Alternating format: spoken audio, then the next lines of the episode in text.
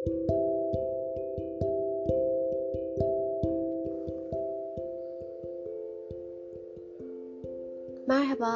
ben Rabia. Profesör Doktor Hakan Türkçeper tarafından yazılan Fark Et, Düşün, Hisset, Yaşa kitabından bir bölüm okuyorum. Sorun olarak gördüğümüz durumlara çözüm arayışı içerisinde olabiliriz. Ve bazen bir çözüm haritasına sahip olmak, bu yolda ilerlemek ve çözümlere ulaşabilmemiz açısından bize yol gösterici olur. 6. bölüm olan çözümün haritasını okuyorum. Harita bize yol gösterir. Gitmeyi istediğimiz noktaya nasıl ulaşacağımız konusunda fikir verir. İyi bir haritaya sahip olmak, yolculuğun hedefe dönük olabilmesinin de ilk şartıdır. Amacım sizlerle birlikte iyi bir yaşam hedefine giden bir yol haritası çizmek. Her birey için iyi bir yaşamın ne olduğu ve özellikleri farklıdır. O nedenle de herkese uyacak iyi yaşam formülü verilemez. Her birey kendisi için uygun yaşamın ne olduğunu kendisi keşfetmek durumundadır. Peki iyi yaşama nasıl kavuşulabilir? Kötülükle mücadele ederek mi yoksa iyiye dönük yaşayarak mı? Ruhsal sorunlar iyi yaşamın önündeki engeller olarak görülür hep. Ve bunlar ortadan kaldırılırsa iyi yaşamın gerçekleşeceğine inanılır.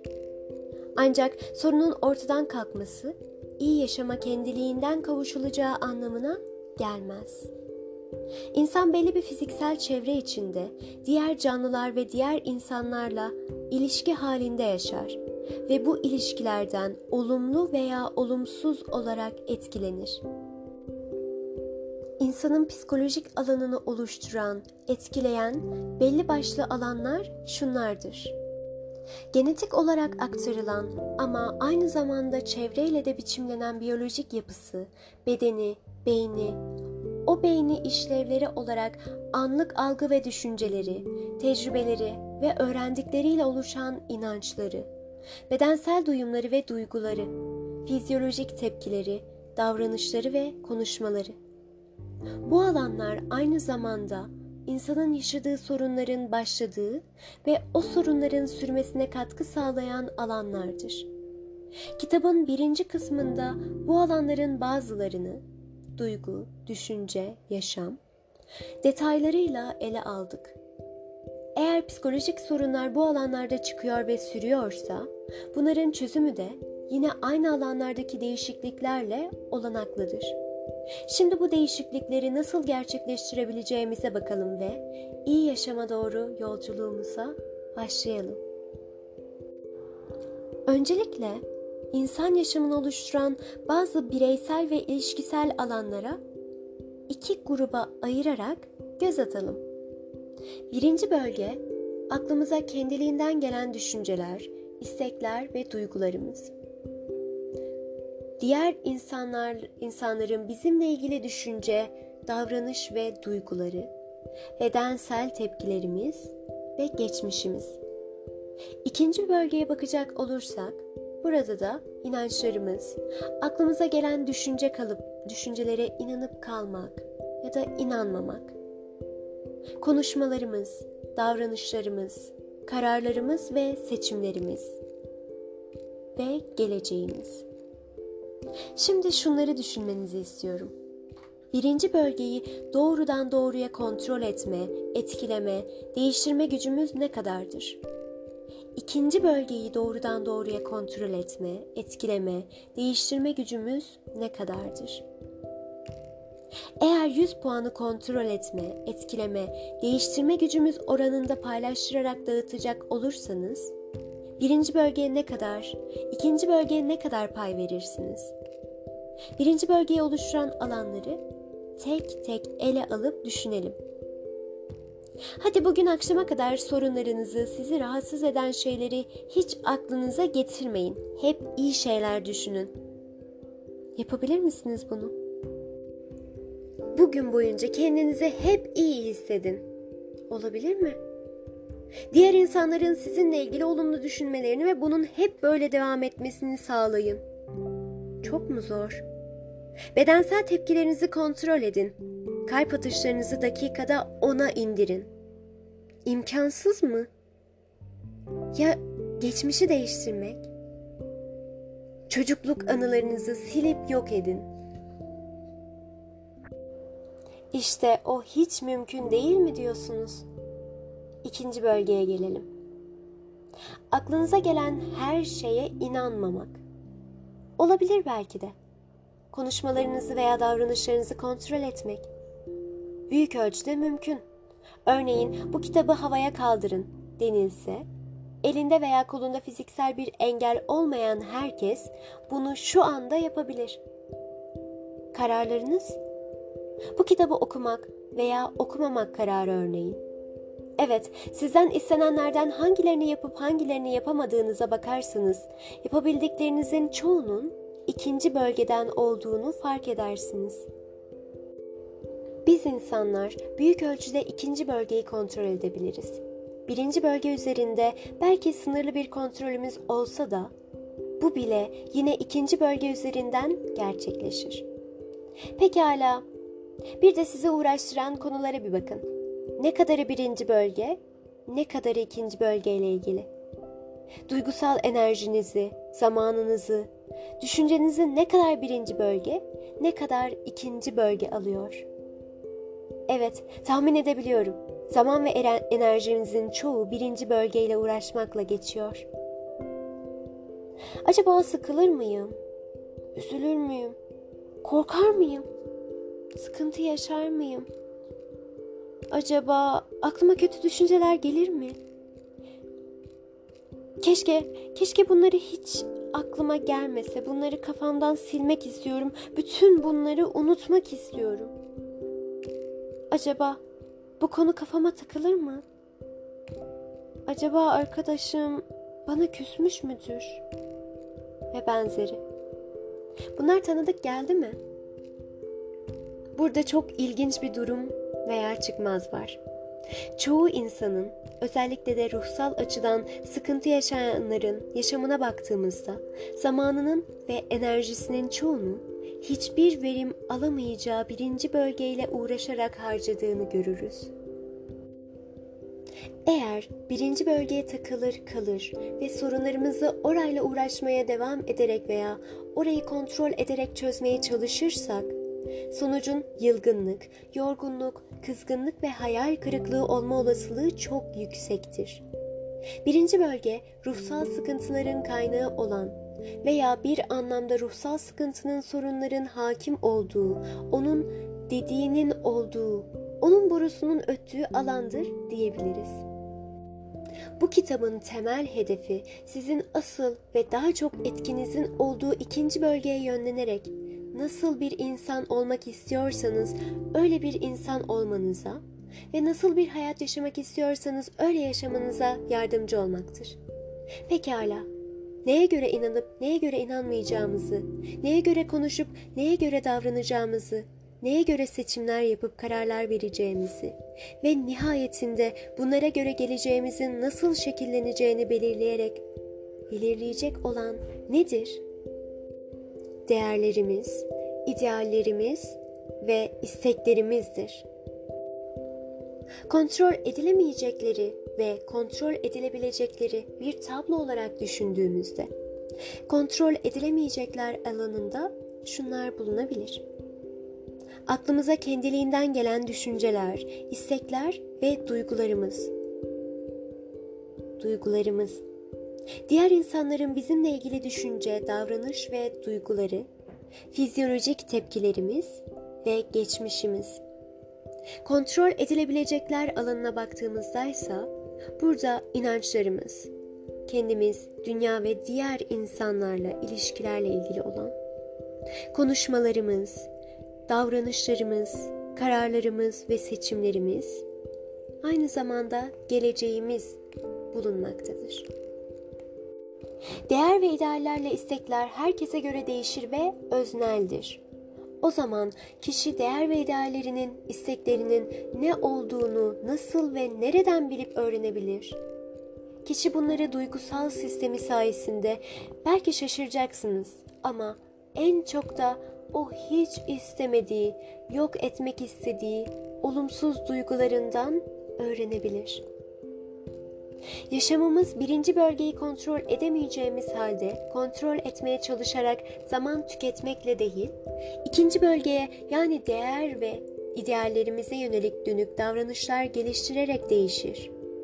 İkinci bölgeye ilişkin bir şeyler yapmanın ve hayatımızı istediğimiz yönde değiştirmenin ilk adımı birinci bölgeyle uğraşmayı bırakmak ve ikinci bölgeye yönelmektir. Bu anlamda kişinin olumsuz duyguları gerektiği gibi uygun yerde kullanılır ve yararlı biçimde değerlendirilirse düşünceleri onun en büyük yardımcıları haline gelebilirler. Her bireyin kendi açısından iyi yaşamı bulmasında kendi duyguları, özellikle de olumsuz duyguları en büyük yardımcısıdır. O halde olumsuz duygularımızla başlayalım işe. Birinci adım. Yaşamımızdaki sorunları fark etmek. Önceki bölümlerde insan yaşamının hem sıradan yanlarına katkıda bulunan hem soruna dönüşebilen bileşenlerin üzerinden geçtik.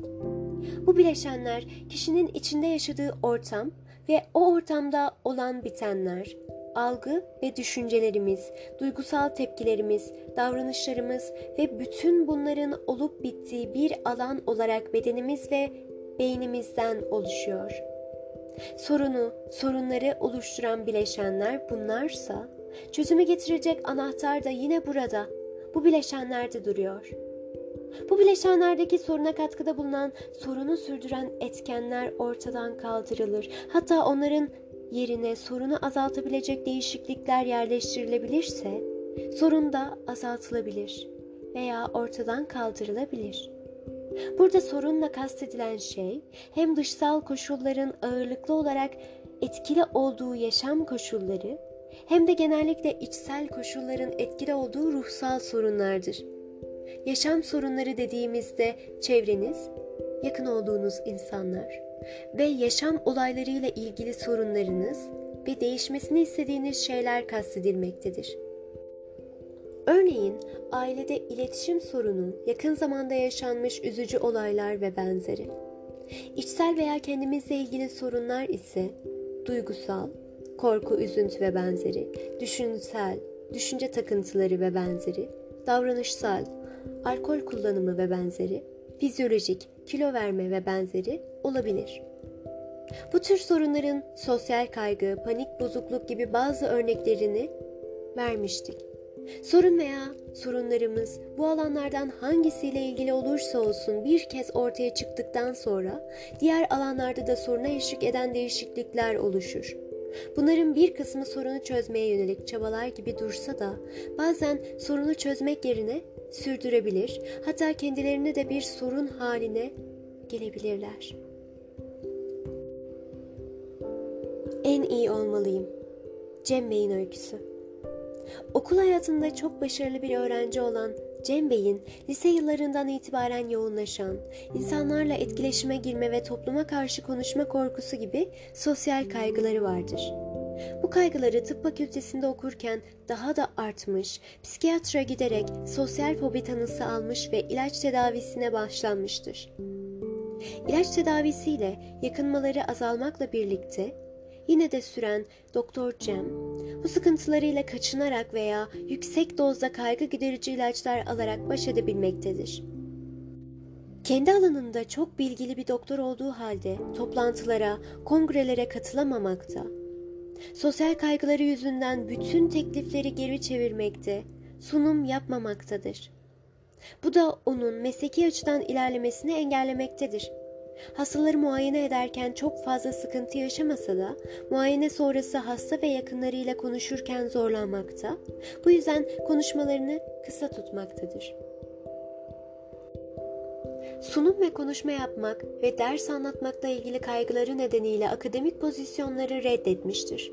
Kongre ve toplantılardan kaçınması mesleki bilgilerini artmasını olumsuz etkilerken insanlardan uzak durması ve sorulmadıkça fikrini söylememesi sosyal hayatını fakirleştirmektedir. Çeşitli kereler karşısına çıkan fırsatları bu sorunu yüzünden kaçırabilmektedir. Kendisine hastanede başhekim yardımcılığı teklif edildiğinde, gelir ve çalışma şartları açısından çok iyi olmasına rağmen daha çok sosyal ilişki kurması gerekeceği için yine sosyal kaygıları yüzünden bu teklifi reddetmiştir.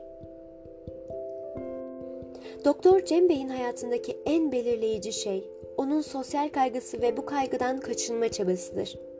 Bu davranışlarıyla kendi açısından soruna yönelik bir çözüm geliştirdiğini düşünmektedir. Çözüm dediğim anda bazı okurların hemen itirazlarının olacağını tahmin ediyorum.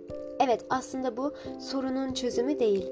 Kaygı yaşadığı durumları belki bir süreliğine ertelemesi veya onlardan kaçınması tutumudur.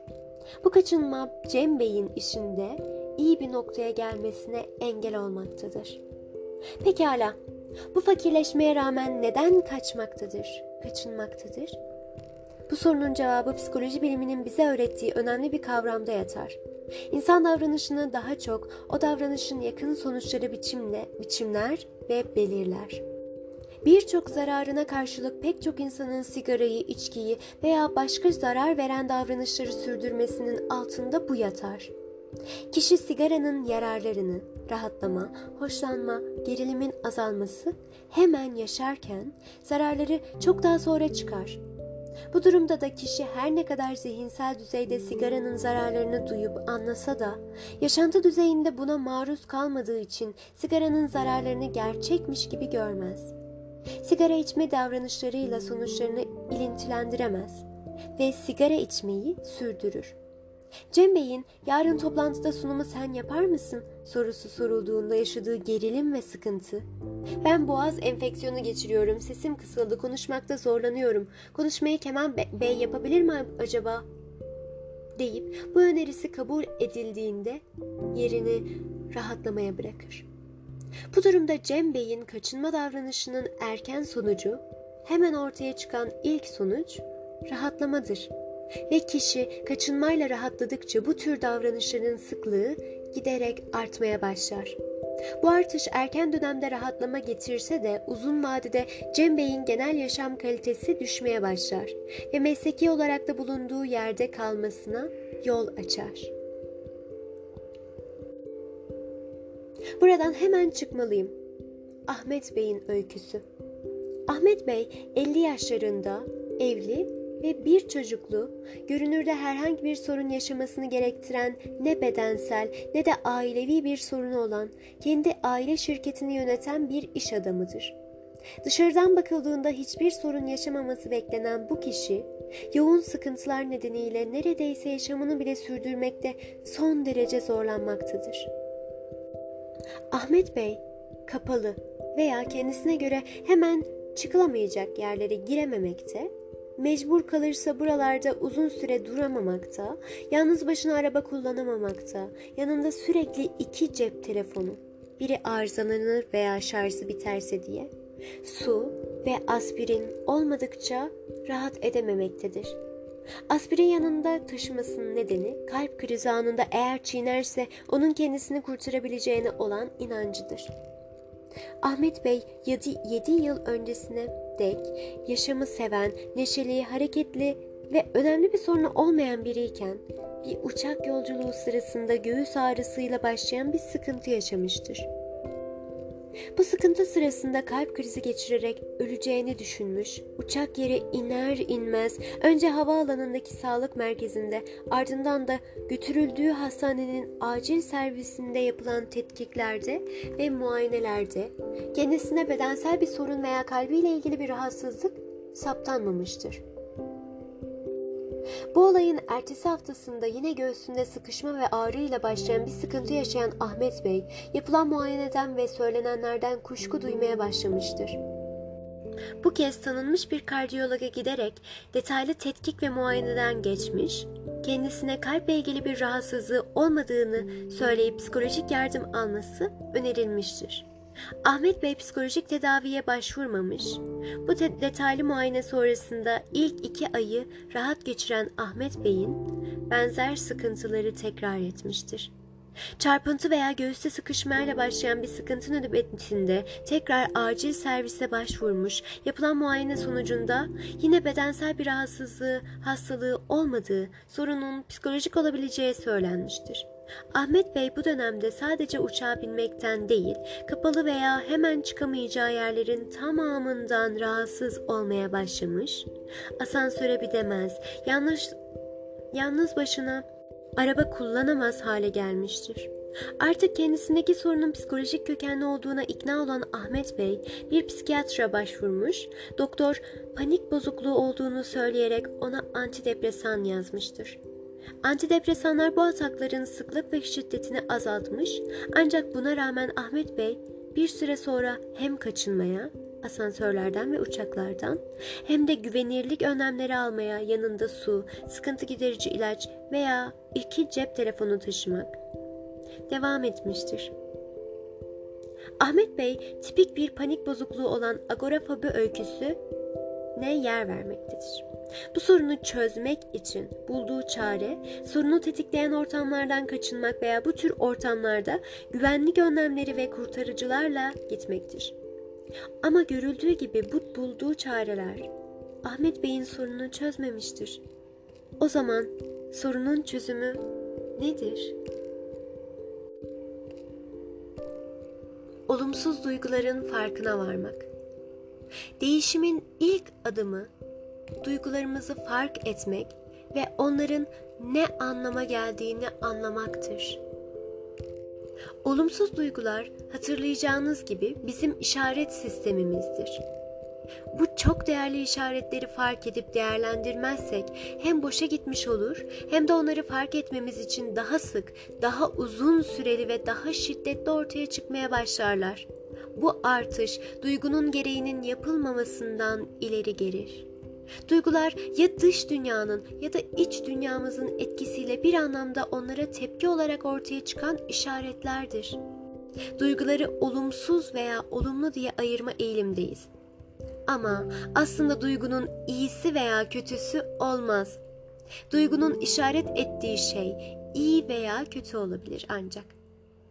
Duygunun neye işaret ettiğini anlamaksızın onu yok etmeye çalışmak, bu çok değerli bilgi kaynağını boşa harcamak olur.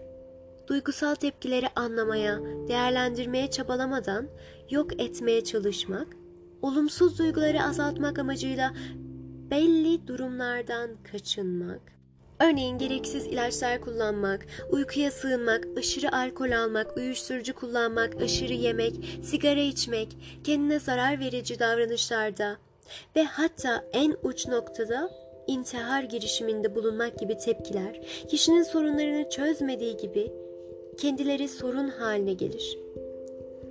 Kişinin yaşadığı sorunları da daha da derinleştirir. Üstelik uzun vadede o büyük korkular yok olmaz. Duygu yok edilecek değil, öncelikle kabullenilecek, yaşanılacak ve değerlendirilecek bir işarettir. Duyguyu dış dünya veya iç dünyamızdan haber getiren bir haberci gibi düşünebileceğimizi söylemiştik. Bu haberci bazen iyi, bazen de kötü haberler getirebilir. Ama unutmayalım ki kötü bir haber söz konusu olduğunda haberciyi yok etmek haberi ortadan kaldırmaz. İadeli taahhütlü bir postanın siz teslim alana dek sürekli postacı tarafından geri getirilmesi ve siz onu almadıkça peşinizi bırakmaması gibi duygunun ilettiği mesajı almadıkça o duygu peşimizi bırakmaz. Bir haberci olan duyguyu uygun bir şekilde değerlendirmenin ilk adımı onu görmek, onun farkında olmak. İkinci adımı ise onun getirdiği haberi almak ve okumaktır. Duygular bölümündeki hatırlayacağınız gibi bu anlamda en önemli veya değerli bilgileri olumsuz duygularımız verir. Olumlu duygular da bize bilgi vermekle beraber asıl olumsuz duygularımız daha yaşamsal bilgiler verir. Algılar, görme, işitme ve benzeri çevreyi fark etmemize yarayan ilk araçsa duygular da kendimizi tanımamız açısından en önemli ikinci araçtır diyebiliriz. Algılar gibi duygular da hem iç dünyamız hem de dış dünya ile ilgilidir. Dış dünyayla neredeyse birebir ilgili gibi düşündüğümüz algılarımız bile aslında sadece dışarıyı yansıtmaz. Önemli bir düzeyde iç dünyamızla da ilgilidir. En önemli duyularımızdan birisi olan görmeyi ele alalım. İnsan beyni cisimleri, dünyayı renkli algılar ancak aslında cisimlerin, nesnelerin, kısacası evrenin kendisine, özünde renk diye bir özellik yoktur. Renk algısı cisimlerden, nesnelerden yansıyan ışığın dalga boyuna göre bizim beynimiz tarafından oluşturulur. Bir anlamda görmemizle ilgili en önemli bileşenlerden birisi olan renk algısı aslında içsel olarak beynimiz tarafından üretilir. Bir ölçüde her algımız aynı zamanda içsel olarak üretilen bir şeydir. Dış dünyadan algıladığımız şeylerin bir kısmı bizim için yararlı, güzel görünümlü ve kokulu, sevdiğimiz bir çiçek mesela. Ve olumlu, bir kısmı ise yararsız, olumsuz veya zararlıdır. Üzerimize hızla gelen bir araba mesela. Algıda olumsuz olanı fark etmek, olumlu olanı fark etmeye kıyasladığımızda daha yaşamsaldır. Güzel bir çiçeği görmemek tabii ki bir kayıptır. Ama üzerimize gelen bir arabayı görmemek ölümcül bir sonuç doğurabilir. İş duygulara geldiğinde ise algılara kıyasla içsel süreçlerimizin, düşüncelerimizin etkisi duygularımızdan çok daha fazladır. Algı bir ölçüde öznel olsa bile daha çok dış dünya tarafından biçimlenirken duygularımızda bu öznellik ve kişisellik çok daha fazladır. Bu anlamda duygular hem dışarıyı hem de kendimizi anlamakta çok önemlidir. Duygularımızı ve işaretlerini tanımanın ilk adımı kişisel projektörlerimizi biraz duygularımızın, özellikle de olumsuz duygularımızın üzerine çevirmektir. İşte bu konuda size çok yararı olacak ilk araç olumsuz duygu kaydıdır. Bu araç duygulara ve onların işaret ettiği şeylere karşı farkındalığınızı çok artırarak hem onları daha iyi tanımanızı hem de getirdiği haberleri daha iyi okumanızı sağlayacaktır. Sizi rahatsız eden korku, üzüntü, kızgınlık gibi olumsuz bir duygu yaşadığınızda ya da sizin için sorun olan bir davranışta bulunduğunuzda mümkün olduğunca kısa bir süre içinde bu durumu kaydetmeye çalışın. Bunu vakit geçirmeden yapmanız daha iyi hatırlamanızı sağlayacak ve elde edilen bilgiler de daha gerçeğe uygun olacaktır. Olayın üzerinden süre geçtikçe bellekte ayrıntılar silinmeye, ilgili olmayan yorum ve bilgiler de olayın içine karışmaya başlar. Bu kayıt çalışması yaşadığınız sıkıntının bir tür fotoğrafını çekmeye benzer. Birisine İstanbul'u tanıtmak isteyelim. Birinci yol ona İstanbul'u anlatmak olabilir. Anlatarak ona aktaracağınız bilgileri düşünün. İkinci yolsa İstanbul'un en karakteristik yerlerinden çekilmiş 5 fotoğraf göstermek olabilir. Sizce hangisi daha kısa sürede ve daha gerçeğe uygun biçimde İstanbul'u tanıtır? Saatlerce İstanbul'u anlatsak o 5 fotoğrafın vereceği fikrin yerini tutabilir mi?'' Anlık düşünce kayıtları sıkıntılarınızla ilgili çok daha gerçekçi ve geçerli bilgi içerir. Bu nedenle bilişsel terapide kullandığımız temel araçlardandır. Doğrudan yaşadığımız öznel durumlar olduğu için duyguların tanımı zordur. Herhangi bir durum, olay ya da iç yaşantılarla beraber hissettiğimiz şeylerdir. Duyguların normaldeki işlevi aynen fiziksel duyumlarda görme, duyma, koku ve benzeri gibi şeyleri fark etmemiz ve ona göre davranmamız içindir. Ancak bütün işaret sistemleri gibi duygularımız da bazen yanlış alarmlar verebilir. Psikolojik sorun yaşanan durumlarda duygularımızın doğal haberci işlevi bozulur ve bizzat duygunun kendisi bir sorun haline gelir. Kayıt formunda belirttiğiniz olay ya da durum yaşarken neler hissettiniz? Duygunuz neydi? Korku, panik, öfke, kızgınlık, üzüntü, keder, karamsarlık, utanç, suçluluk, şaşkınlık, kıskançlık ve benzeri. Bunu kaydettikten sonra yapmanız gereken şey o anda yaşadığınız duygunun şiddetini veya yoğunluğunu puanlamanız.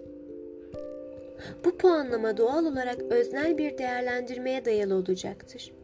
Duygunun yoğunluğu nesnel olarak ölçme şansımız olmadığı için daha önce yaşadıklarınızı düşünerek o anki duygunuzun yoğunluğunu 0 ile 100 arasında derecelendirmeye çalışın. 0 hiçbir olumsuz duygu yok. 10 20 o duygu var ama çok hafif, önemsiz bir yoğunlukta. 50 orta şiddette, 60-70 duygunun oldukça yoğun olması, 80-90 çok yoğun şiddette, 100 de hayatta o ana kadar o duyguyu yaşadığınız ya da yaşayabileceğiniz en şiddetli yoğunluk diye düşünün. Yukarıda tanıştığımız Cem Bey'den bir örnekle devam edelim. Sosyal kaygısı olan Cem Bey'in ilk yapması gereken şey bu tür duyguları olduğunda bunları irdelemektir. Yani makale sunumu öncesinde ve sırasında yaşadığı duyguları fark etmektir. Cem Bey makale sunumu öncesinde yaşadığı duyguların tedirginlik ve endişe, sunum esnasındaki duyguların ise aşırı heyecan ve panik olduğunu ifade etmiştir. İkinci adım olan biteni olduğu gibi fark etmek. İlk yapmanız gereken şey olumsuz duyguyu yaşarken ya da soruna dönüşen davranışı gerçekleştirirken bunu başlatan ya da buna eşlik eden olay, durum veya ortamı tanımlamanızdır. Olay o sırada olan biten şeydir.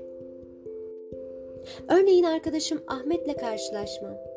Ali'yi aradığımda telefonun meşgule düşmesi, kalp atışlarımda hızlanma gibi.'' Eğer sıkıntıyı yaşarken herhangi bir olay öncülük veya eşlik etmediyse, sadece o sıkıntıyı yaşarken bulunduğumuz ortamı yazın. Evde otururken, kuyrukta beklerken, sınav salonunun önünde gibi. Olay veya durumu yazarken mümkün olduğunca olumsuz duygunun başladığı veya en şiddetli olduğu andaki olayı ya da durumu tanımlayın. Bir dış gözlemci bakış açısıyla yani sadece olan biten somut gerçekliği aktararak yorum katmadan yazmaya çalışın. O anda ortamda eğer bir video kamera olsaydı neyi gösterirdi? Bunu düşünerek yazın. Örneğin siz konuşurken arkadaşınızın yanındaki kişiye bakarak gülmüş olsun. Bu durumla ilgili olayı arkadaşım benimle alay etti diye tanımlarsanız olayı değil yorumunuzu yazmış olursunuz. Olayı başkaları tarafından somut olarak veya yorum yapmadan gözlenen şey olarak düşünün.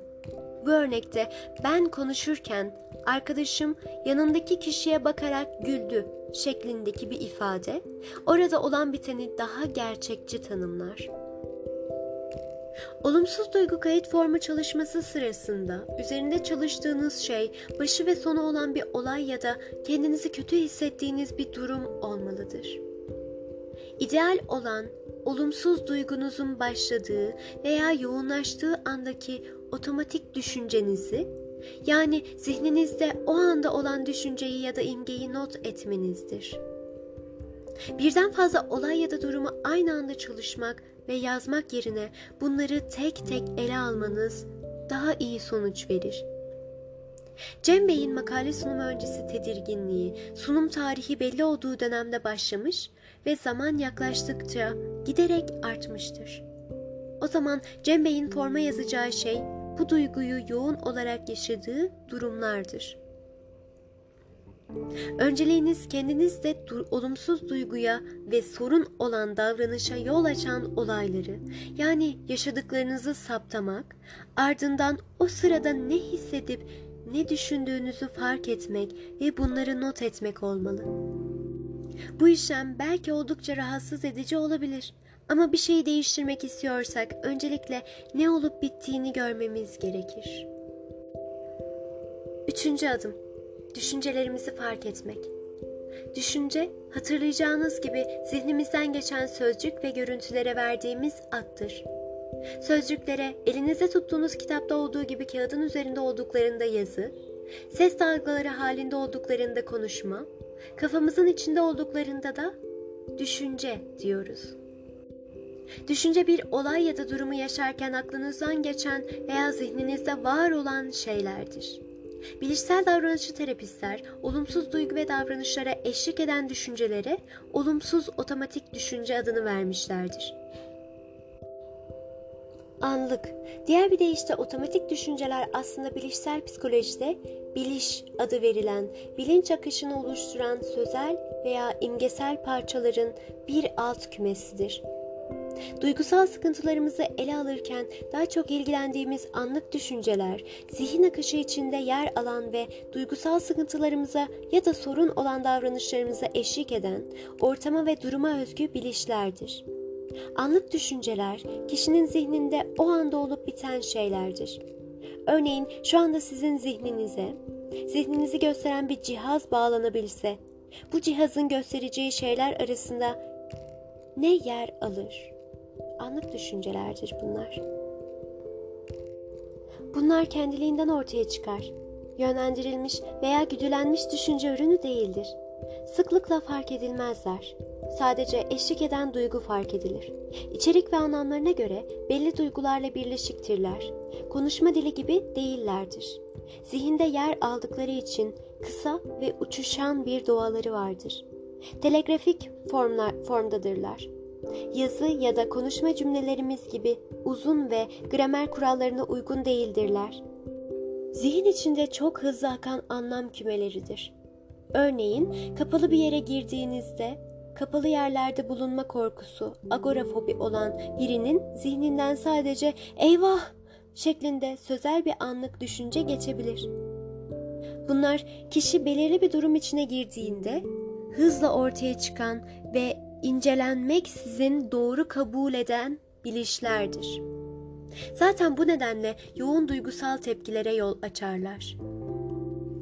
Bu tür düşüncelere Türkçe ifade ederken daha anlaşılır olması açısından anlık düşünceler demeyi daha açıklayıcı buluyorum. Bunlara düşünce denilmesi sadece sözel düşünce oldukları anlamına gelmez. Zihnimizden görüntüler biçiminde de geçebilirler. Eğer sorun düzeyinde bir duygusal tepkimiz ve davranışımız varsa, o zaman bu duruma eşlik eden düşünceleri saptamak atılacak ilk adım olabilir. Bu düşünceleri kaydetmek, bunların farkına varmak oldukça yararlı sonuçlar getirebilir. Sorun olan olayı veya durumu yaşarken sorun olan duyguyu hissettiğimizde, örneğin kaygı sorunu olanlar için bu kaygı, depresyonu olanlar için üzüntüdür. Veya sorun olan davranışta bulunurken, örneğin kumar bağımlısı birisi için bahis oynamak, aklınızdan ne geçiyordu? En yoğun biçimde sıkıntı duyduğunuz anda ne düşünüyordunuz? Kendi kendinize ne söylüyordunuz? O anda zihninizde canlanan herhangi bir hayal var mıydı? Haydi, biraz hayal gücü de kullanalım. Zihninizin içinde o anda bir gözlemci olsa ne görür, ne duyardı? Kendinize bu soruları sorun. Bunları mantıklı veya mantıksız, uygun veya uygunsuz, saçma ya da yerinde olmalarına bakmaksızın zihninizden geçtiğine yakın şekilde kaydetmeye çalışın. Bunları bulmakta zorlanırsanız o olayı veya durumu zihninizde canlandırıp tekrar yaşamaya ve o an aklınızdan geçenleri yakalamaya çalışın. Bazı anlık düşüncelerimiz özgün olarak aklımızdan soru biçiminde gelmiş olabilir başı ağrıyan birinin acaba felç mi oluyorum diye düşünmesi ve bu düşünceyle ilgili korkuya kapılması gibi. Buradaki korku duygusu aslında soru ya da olasılık gibi ifade edilse de aslında o anda bizim felç olduğumuzu düşündüğümüze işaret eder. Soru biçimindeki düşünceler genellikle ilk anda gelen düşüncelerden sonra ortaya çıkar. Olay sırasındaki ilk düşüncemiz genellikle durum belirten bir şekilde olur. Felç oluyorum. Bu beynimizin aslında soru sormadığını ama tam da aslında o anda öyle bir şey oluyormuş gibi tepki verdiğini gösterir. Bu nedenle soru veya olasılık formunda olan düşüncelerinizi soru ya da olasılık formundan arındırarak düz cümle şeklinde ifade etmeye dikkat edin.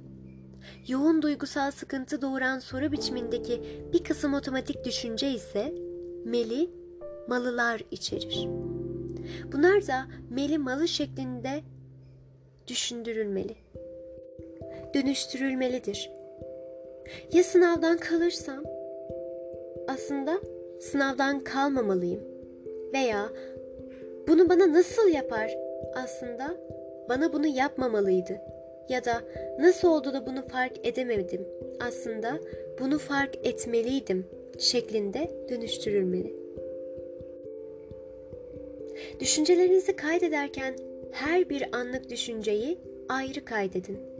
Bunun en kolay yolu anlık düşüncelerin her birinin bir olayı anlatan bir cümle olmasına dikkat etmektir. Anlık düşüncelerinizin içinde çünkü, bu nedenle, ama, fakat gibi bağlaçlar varsa bu anlık düşüncenizden çok olayla ilgili yorumunuzu yazdığınıza işaret eder. Yorumlar da değerlidir. Ancak onların yorum olduğunu ya da özgün anlık düşüncelerinizin günlük dile çevrilmiş, açımlanmış hali olduğunu unutmayın. Özellikle sık tekrarlayan veya yaşanan olaylarda anlık düşünceler kaybolabilir. Ya da yoğun duygusal tepki gösterilen olaylarda anlık düşünceler hızlı hale gelip kısalabilir ve artık fark edilmeleri güçleşebilir. Örneğin sosyal kaygıları olan biri yolda kendisini tanıyan bir kişiyle karşılaştığında aklından ne yapacağım şimdi düşüncesi geçip korku duymuş olabilir. Bu durumda kişinin özgün anlık düşüncelerinin anlamını açımlanarak sıkıntısına eşlik eden bilişsel içerik açığa çıkartılabilir. Bu tür çeviri şeklindeki anlık düşünceleri bulmak için niye, ne yapacağım diye düşündüm şeklinde sorabilirsiniz. Kişiye neden ne yapacağını düşündüğünü sorduğumuzda verilen cevap çünkü beni böyle görürse rezil olabilirim biçiminde ise kişide sıkıntı yaratan ama o anda ifade edilmemiş bir düşünceye bizi ulaştırabilir. Anlık düşünceye veya ona benzer bir, bir hiçbir şeye ulaşamıyorsanız o olayın anlamını veya o duygunun sonucunu kendinize sorun. Örneğin köpeği görünce korkan ve o ana ilişkin hiçbir düşünce bulamayan birisi, kendisine köpeğin korkulacak nesi olduğunu veya bunun ne zararı olacağını sorabilir. Mesela Cem Bey'in düşünce kayıt formuna baktığımızda, evdeyken ya sesim çıkmazsa ya çok heyecanlanırsam şeklinde iki anlık düşüncesini daha sonra üniversitede asistanlara makaleyi okurken ise çok heyecanlıyım diğerleri alaycı şekilde bakıyorlar ve bende bir sorun olduğunu fark ettiler biçiminde iki düşüncesini kaydettiğini görüyoruz.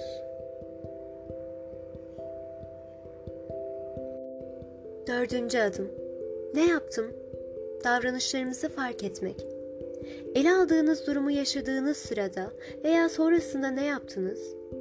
Eğer bir olaysa bu olay nasıl bitti? Yaptıklarımız neye yol açtı? Nasıl sonuçlandı? Gösterdiğimiz davranışın ne olduğu çok önemlidir. Çünkü içinde bulunduğumuz çevre veya daha sonra yaşayacaklarımız üzerinde bir etkimiz olacaksa bu ancak davranışlarımız ve konuşmalarımız yani yapıp ettiklerimizle gerçekleşebilir.'' Örneğin Cem Bey'in olumsuz duygu kaydı formuna baktığımızda sabah evdeyken ve heyecanlıyken az konuştuğunu, az yediğini ve bir an önce sofradan kalktığını, üniversitedeki asistanlara yaptığı makale sunumu esnasında ise makaleyi kısa keserek hemen bitirdiğini görüyoruz. Böylece ilk aşama olan olan biteni tespit etmenin örneklerini görmüş olduk. Bir yere yolculuğa çıkmadan önce nerede olduğumuzu bilmek önemlidir. Duygu veya davranış tepkimiz belli bir ortam oluşturur. Bunun tespiti açısından olay veya durumu ayırt ederek kaydetmemiz önem taşır. Bölümün başında tanıttığımız Ahmet Bey'e geri dönüp bir de onun yaşadığı sıkıntı durumundan örnek görelim. Hatırlarsanız Ahmet Bey'de agorafobi dediğimiz hemen çıkamayacak veya yardım alınamayacak yerlerde bulunma korkusu vardı. Ahmet Bey'in yaşadığı olumsuz duygu bindiği uçakta gerçekleşmişti. Uçağa bindiğinde daima koridor tarafında ve çıkışa yakın oturan Ahmet Bey'e o gün önceden koltuk ayarlaması yapmadığı için cam kenarı bir koltuk verilmiştir. Ahmet Bey'in dışarı çıkmama korkusu, iç koltukta oturduğunda ve uçağın penceresinden baktığında daha da yoğunlaşmaktadır. Yerinde oturduktan sonra sıkıntısı giderek artan Ahmet Bey, hostesi çağırarak yerinin değiştirilmesini istemiştir. Yeri değiştirilinceye dek huzursuz şekilde bekleyen Ahmet Bey, şans eseri boş olan bir koridor koltuğuna alınınca rahatlamıştır. Evet, şimdi sıra sizde. Siz olumsuz bir duygu yaşadığınız, yakın veya uzak bir zamanda yaşanmış ama iyi hatırladığınız bir olayı benzer şekilde aşağıdaki forma kaydedin. Kaydedeceğiniz bu bilgiler çok değerli. Çünkü daha sonra çözümün nasıl olabileceğinin ipuçları bunların içinde barınıyor. Yeter ki bunları önce bir görelim. Bunlara baktığımızda uygun şeyleri fark ederek uygun şekilde değerlendirelim ve sonunda da uygun şekilde davranabilelim. Sizi rahatsız eden korku, üzüntü, kızgınlık gibi olumsuz bir duygu yaşadığınızda veya sizin için sorun olan bir davranışı yaptığınızda mümkün olduğunca kısa süre içinde bu durumu bir şekilde kaydetmeye çalışın. Kayıt ederken oluşturacağınız bir tabloda tarih, yer, olay, durum, duygu, bedensel tepkiler, düşünceler, davranışlar gibi sütunlara yer verebilirsiniz. Kendi öznel çözüm haritanızda umut pusulasıyla yol alabilmeniz dileğimle. Anlam ve çözüm sizinle olsun.